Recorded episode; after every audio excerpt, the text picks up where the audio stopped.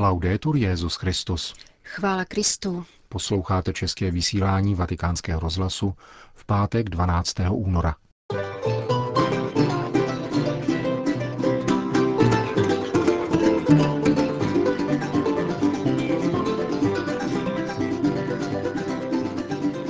Novým plzeňským biskupem se stává monsignor Tomáš Holub. Svatý otec František zahájil 12. apoštolskou cestu do Mexika, které předchází několika hodinová zastávka na Kubě.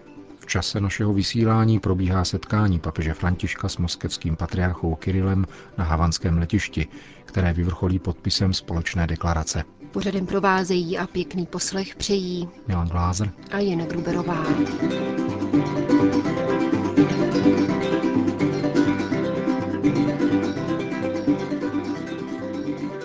Zprávy vatikánského rozhlasu. Vatikán. Jak dnes oznámil svatý stolec, papež František přijal abdikaci plzeňského biskupa monsignora Františka Radkovského z důvodu dovršení kanonického věku. Jeho nástupcem papeží jmenoval monsignora Tomáše Holuba, současného sekretáře České biskupské konference a děkana Vyšehradské kapituly. Monsignor Holub se narodil roku 1967 v Červeném kostelci. Vystudoval Katolickou teologickou fakultu Univerzity Karlovy v Praze a v roce 1993 byl v Hradci Králové vysvěcen na kněze biskupem Karlem Odčenáškem. Jeho prvním působištěm byla Kutná hora, poté po jedno desetiletí pracoval jako vojenský kaplan v armádě České republiky. V letech 2007 až 2008 studoval na Římské lateránské univerzitě, kde obhájil doktorát z křesťanské etiky. Po návratu do vlasti byl ustanoven moderátorem kurie Královéhradecké diecéze a vykonával službu tamního generálního vikáře. V roce 2011 nastoupil na Českou biskupskou konferenci.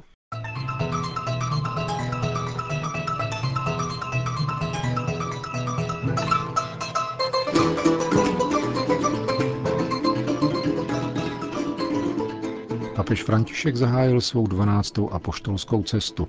Její první etapa jej zavede na Kubu, kde v době našeho večerního vysílání na havanském letišti probíhá historické setkání papeže s ruským pravoslavným patriarchou Kirilem.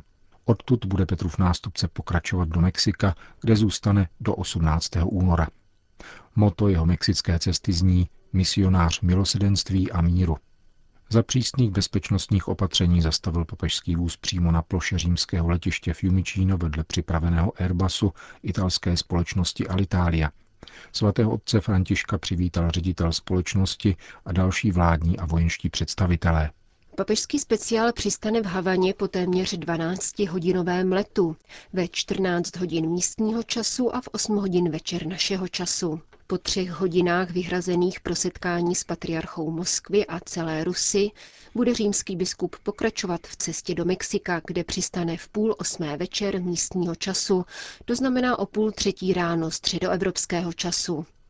Jak informoval tiskový mluvčí svatého stolce otec Federico Lombardi, v průběhu letu se uskutečnilo velmi krásné, zhruba 40-minutové setkání svatého otce s novinářským doprovodem.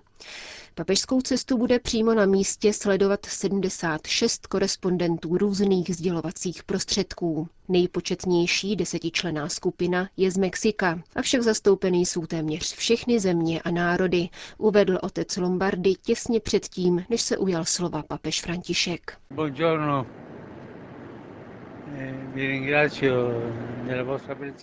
Dobrý den. Děkuji za vaši přítomnost a práci. Bude to náročná a hutná cesta, ale zároveň cesta opravdu vytoužená. Přál si ji můj bratr Kiril, já sám a také Mexičané. Na začátku středeční audience neočekávala vaše mexická kolegyně se všemi filmy komika Cantiflase, skoro jako bych měl vstoupit do tunelu vedoucího časem. A tak jsem touto Cantiflasovou branou vstoupil do Mexika. Smích nám všem prospívá. Mým nejniternějším přáním je předstoupit před panu Marii Guadalupskou před ono tajemství, které se stále zkoumá a zkoumá, ale na které neexistují lidská vysvětlení. Také nejvědečtější studie nakonec říkají, je to boží věc. Právě kvůli tomu Mexičané říkají, jsem sice ateista, ale Guadalupan. Samozřejmě pouze někteří Mexičané, protože nikoli všichni jsou ateisté. Papež František dále přítomné novináře informoval, že s nimi tentokrát cestuje naposledy doktor Alberto Gasbari.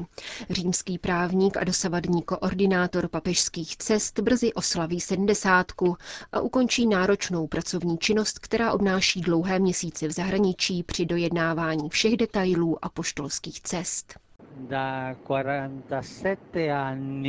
Doktor Gasbari pracuje ve Vatikánu už 47 let to jsem musel nastoupit, když mu byly tři nebo čtyři roky.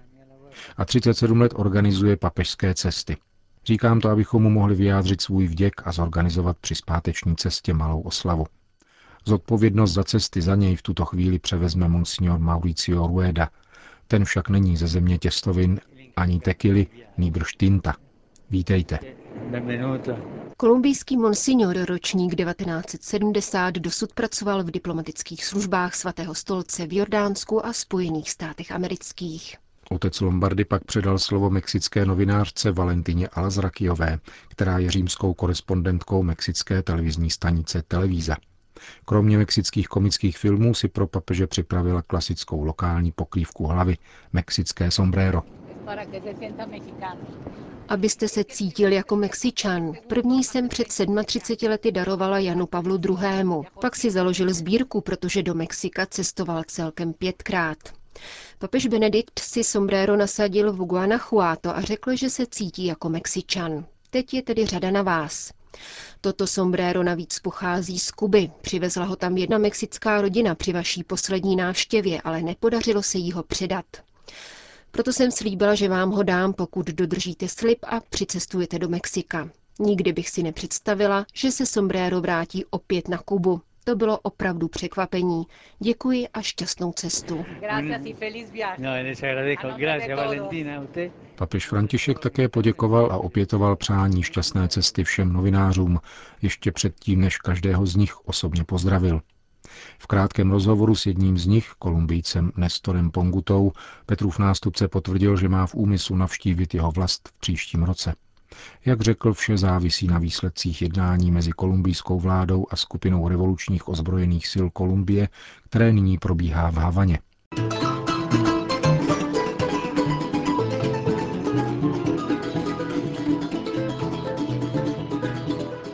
Kromě hlavního mexického města navštíví papež také jich a sever země.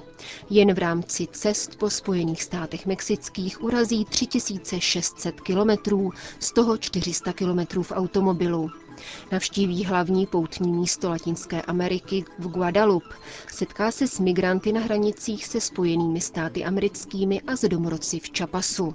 Nebude chybět ani setkání s rodinami a s mladými lidmi. Obsahovou náplň papežské cesty nám přiblížil kardinál státní sekretář Pietro Parolin. Na prvním místě se objeví charakteristická témata tohoto pontifikátu, jako milosedenství, spravedlnost, mír a naděje.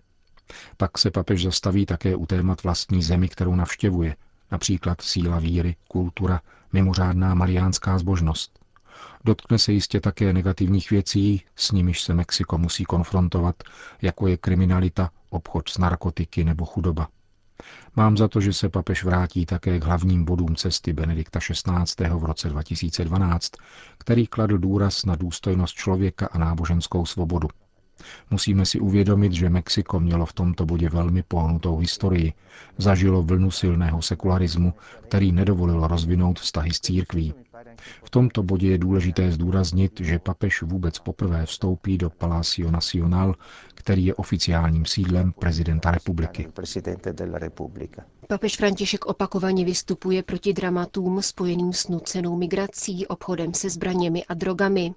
A činí tak také na důležitých místech před mezinárodní komunitou, jako například v OSN, pokračuje kardinál Parolin. Papež nám dává velký příklad, vybízí nás pokračovat, neustupovat, nevzdávat se zlu, navzdory tomu, že citelně zakoušíme jeho důsledky v dnešním světě. Chtěl bych zdůraznit jednu věc. Papež se k těmto ranám sklání jako milosedný Samaritán. Nejde ani tak o obžalovávání, jako o to, že bere tyto negativní situace do svého srdce a vybízí lidi, aby proti těmto fenoménům bojovali a především, aby sami změnili svá srdce. Je to tedy postoj milosedenství. Nejde samozřejmě o ospravedlňování zla, ale o změnu secí a boj proti zlu. E Teprve před týdnem bylo ohlášeno setkání papeže Františka s patriarchou Kirilem. Skutečnost, že se papež a patriarcha celé Rusy setkají, je velkým znamením naděje. Je to skutečně věc, která dodává odvahu, povzbuzuje k dalšímu pokračování ve vytváření přátelských vztahů, v setkáních a dialogu. I to jsou témata, na nichž papežovi velmi záleží. Toto setkání bude mít nepochybně velký dopad na ekumenismus, jak na obecnější celosvětové úrovni, tak v současné společnosti.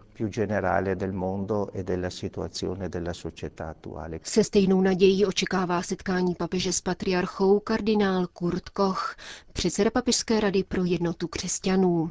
Zeptali jsme se ho, proč byla za místo setkání zvolena právě Kuba. Äh, Musíme vzít v úvahu dvě věci.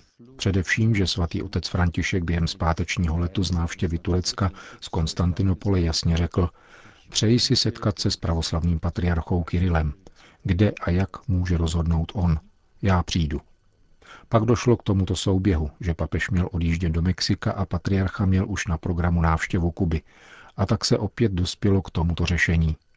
V pozadí této volby je ještě jiná věc, kterou metropolita Hilarion jasně zmínil při tiskové konferenci, na níž byla tato událost ohlášena. Pravoslavná strana si nepřála, aby k setkání došlo v Evropě, protože Evropa je kontinentem rozdělených církví. Toto setkání však nemá zdůrazňovat roztržky, ale spíše ukazovat k jejich překonání. Proto padla volba na Kubu. Dojde během rozhovorů také na ukrajinskou otázku. Ukrajina byla po dlouhý čas překážkou pro organizaci takového setkání z pravoslavné strany. Ruský pravoslavný patriarcha je velice zasažen situací na Ukrajině a na druhé straně je také papež zasažen válkou, která tam probíhá a obtížemi ve vztazích mezi řecko-katolickou církví a pravoslavnými církvemi, protože řecko-katolická církev je součástí naší církve. Toto všechno se papeže velmi dotýká.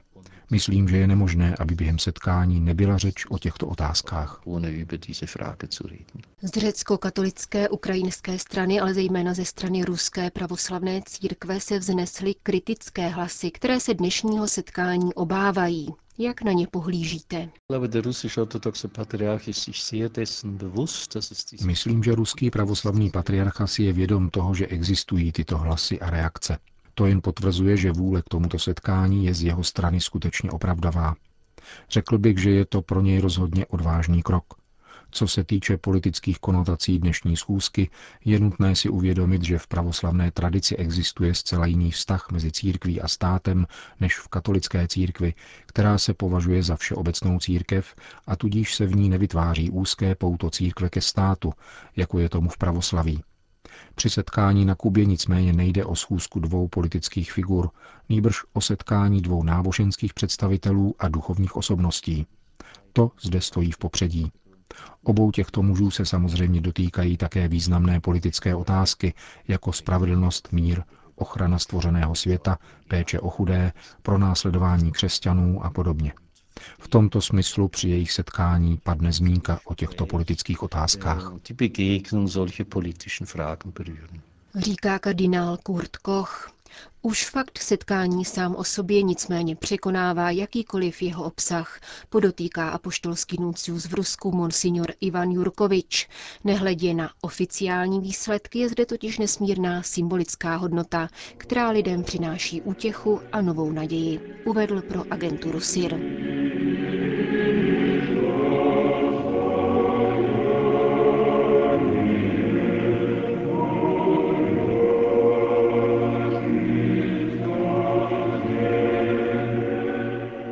Končíme české vysílání vatikánského rozhlasu. Chvála Kristu. Laudetur Jezus Christus.